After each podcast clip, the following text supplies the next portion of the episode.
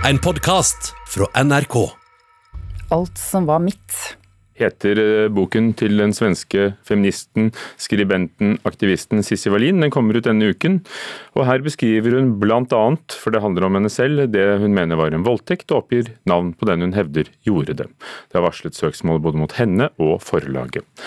I Norge har forlegger Arve Juritzen nå tatt til orde for klare retningslinjer for hva det skal gå an å skrive om folk i sakprosa. Mamma tänder en cigarett och berättar för mormor om kvinnorna som nu kliver fram och vittnar om Weinstein. Det tåras i ögonen på mormor. Her hører du et utdrag fra boken Alt som var mitt av den svenske feministaktivisten Sissi Wallin. Boken har skapt sterke reaksjoner da Wallin skriver om det hun mener er en voldtekt. Det er varslet søksmål både mot henne og forlaget, men begge forsvarer publiseringen. Det är mitt manifest. Det är lite så faktiskt. Det kan man säga. F- Ja, det är som ett feministiskt manifest. Forlegger Arve Juritzen vil ikke kommentere denne konkrete utgivelsen, men sier det de siste årene har vært flere etiske overtramp i norske bøker. Han ønsker seg derfor klare retningslinjer for hva man kan skrive og publisere i bøker. Vi har jo sett de siste årene veldig mange overtramp når det gjelder faglitteratur i Norge, og det er så dumme overtramp som kunne vært ordnet ganske enkelt ved at man hadde noen gjennomtenkte retningslinjer å lene seg på. Administrerende direktør ved Den norske forleggerforening, Hilde Austli, er klar på at det ikke er aktuelt for foreningen, men viser til at de jobber med balansen mellom etikk og ytringsfrihet. Diskusjonen har vært og er oppe med jevne mellomrom eh, i Forleggerforeningen og med våre medlemmer. Og så langt så har vi konkludert med at vi er best tjent uten etiske retningslinjer. Jeg er overrasket over Forleggerforeningens holdning her. Jeg tror kanskje ikke de helt skjønner hva uh, Vær varsom-plakaten er. Jeg er helt enig i at en uh, pressens faglige utvalg, altså der hvor noen dømmes utenfor det juridiske, det skal vi unngå. Uh, det er ikke det dette handler om. Det handler om bare at man unngår å gjøre feilene. Altså man er flinkere. sier Juritzen. Jon Wessel Aas, advokat for Memo forlag som har gitt ut boken, er skeptisk til etiske retningslinjer i bokbransjen. Han presiserer også at det er først og fremst forfattere som har ansvar for det de skriver. Forfatteren er selvfølgelig ansvarlig for, for det den har ført i pennen og, og, og villet utgi. Bruker man et forlag, så vil også forlaget da i utgangspunktet kunne ha et ansvar eh, for, for innholdet i en bok som utgis. Austli mener at etiske retningslinjer kan føre til sensur og innskrenking av ytringsfrihet. Hun legger til at Forfatterforeningen har egne retningslinjer, men at en retningslinje for forlag kan være hemmende for informasjonsfrihet. Vår jobb som forlag er å forvalte andres ytringer, men det er først og fremst forfatteren som er avsender av budskapet. Reporter her var Aida Korami. I Møre og Romsdal eh, pågår arbeidet med filmingen av Mission Impossible 7-filmen. Eh, Superstjernen Tom Cruise eh, er på plass i Hellesylt i Stranda kommune, og der er du også reporter Tore Ellingsæter. Hva er det som skjer der i dag? Du, Her er det jo mye hemmelighold. Det er mye vi ikke får vite. Men det er et veldig flott uh, vær for uh, filming, skulle jeg tro. Tom Cruise er jo på plass her. Vi fulgte han ganske tett i går. Han drev og kjørte motorsykkel nede i Hellesylt i forbindelse med filminnspillinga. Det er jo en sju-åtte helikopter i lufta. Det er massevis av biler. Det ble sagt at det er 600 personer som er involvert i denne her filmproduksjonen, som skal foregå på Hellesylt på Sunnmøre, og også i Rauma ved Åndalsnes i Romsdalen. Ja, hvordan merker man det i en liten bygd at det pågår en stor internasjonal innspilling?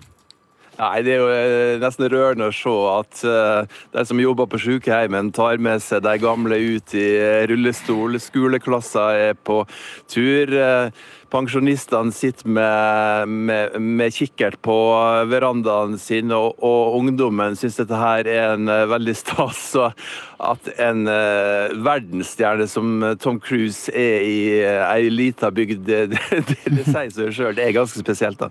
Hva slags scener er det egentlig som blir filmet på Hellesylt og Rema? Du, det vi tror, da Vi så jo i går at de frakta opp eh, motorsykler oppå Helsetkopen, som er et fjell der det ofte bruker å bli hoppa fallskjerm fra. Uh, og da tror vi at det kan være en scene der han Tom da skal kjøre utfor, kanskje sammen med en annen. Kanskje er det en slåsskamp, og så ender de opp i et eh, fall utfor fjellet med fallskjerm. Dette her er litt tipping fra min side, men det må kanskje være lov når det er så strengt her. Det skal filmes actionfylte scener, og så har det oppstått en konflikt eh, i forbindelse med innspillingen. Hva handler den om?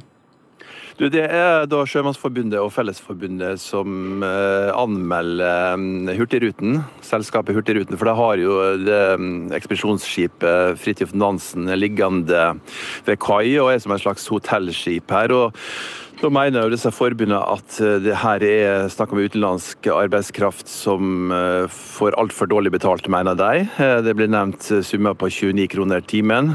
Dette her blir jo da blankt avvist av Hurtigruten. De mener det har alt på stell og følger følge de internasjonale reglene som er. Men dette her kan jo bli en litt sånn varm potet, og det skulle jo ikke forundre meg om kanskje noen ville finne på å aksjonere eller noe sånt nå når det er litt oppmerksomhet rundt uh, denne her uh, Ja, det, her inne så kaller jeg det for uh, Det er tom, det er tom cruisekai, da. så det er Tom Cruise-kaia. nå er dere altså på fornavn med, med Tom. har du sett noe til han du, eller? Nei, Jeg må si jeg var veldig nær han da han drev og kjørte motorsykkel. Men jeg fikk ikke intervju med han. Fått beskjed fra publisheren hans, pressetalskvinna, at noe intervju det er ikke aktuelt. Spurte om å få ett eller to minutter, men det ble blankt avvist. Men vi jobber videre med det i dag, det skal dere vite. Lykke til da, reporter Tore Ellingsæter med fra Hellesylt.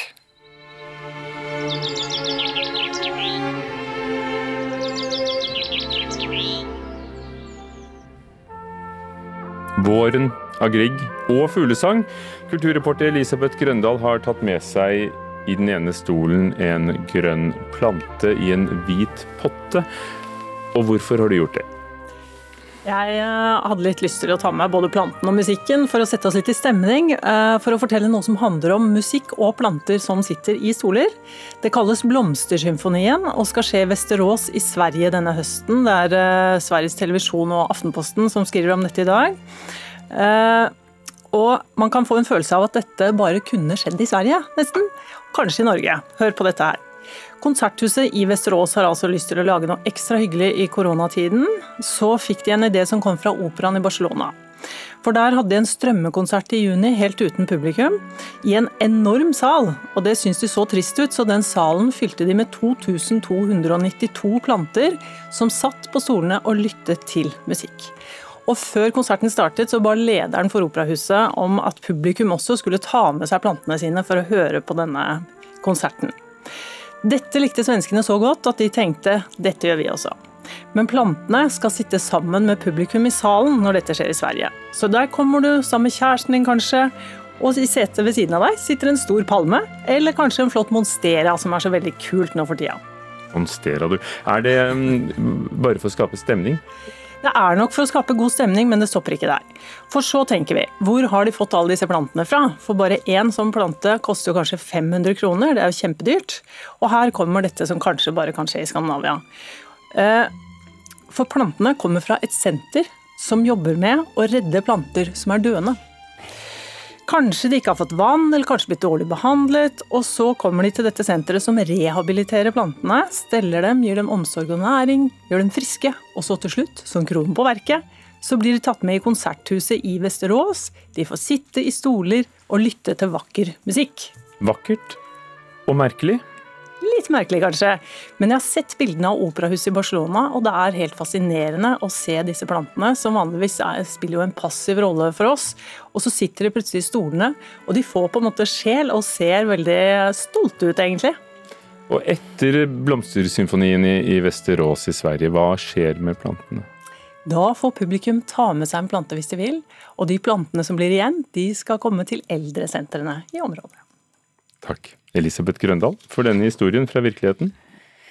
NRK-kritiker Leif Ekle, er du der? Ja, jeg er her. I går var du her for å snakke om eh, Elena Ferrantes nye roman. I dag har du med deg Jo Nesbøs 'Kongerike', 'Kongeriket', mm. som egentlig skulle lanseres i dag.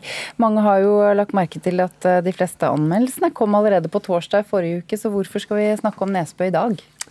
Ja, enten man leser krim eller ikke, så er det jo sånn at Jo Nesbø er en av de viktigste spenningsforfatterne i dag, og ikke bare i Norge.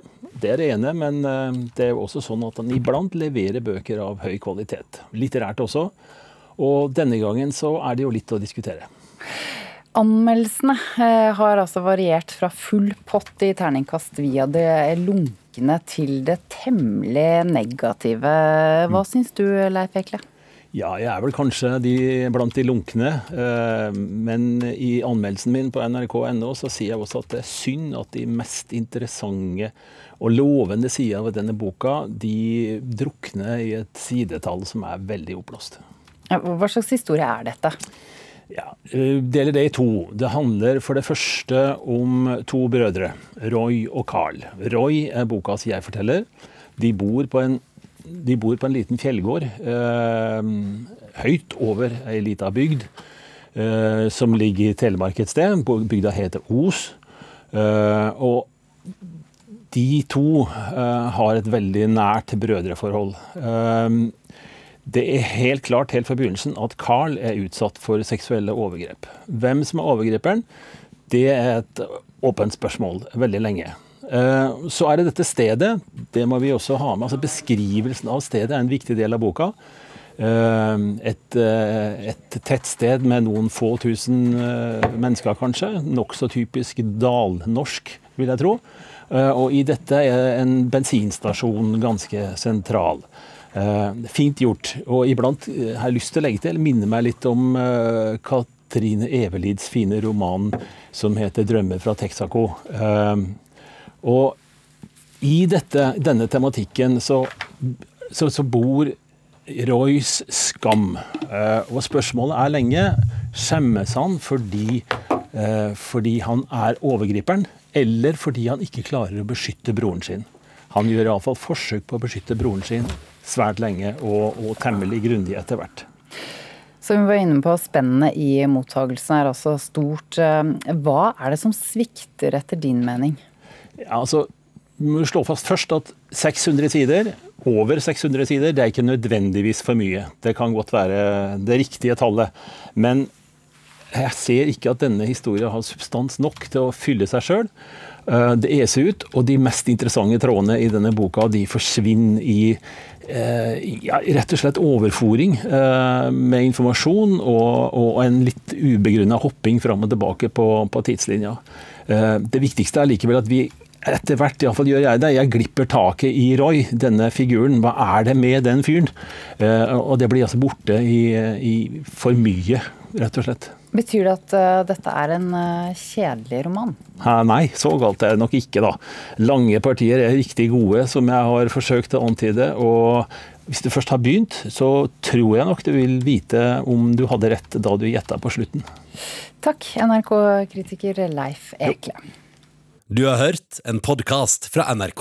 Hør flere podkaster og din favorittkanal i appen NRK Radio.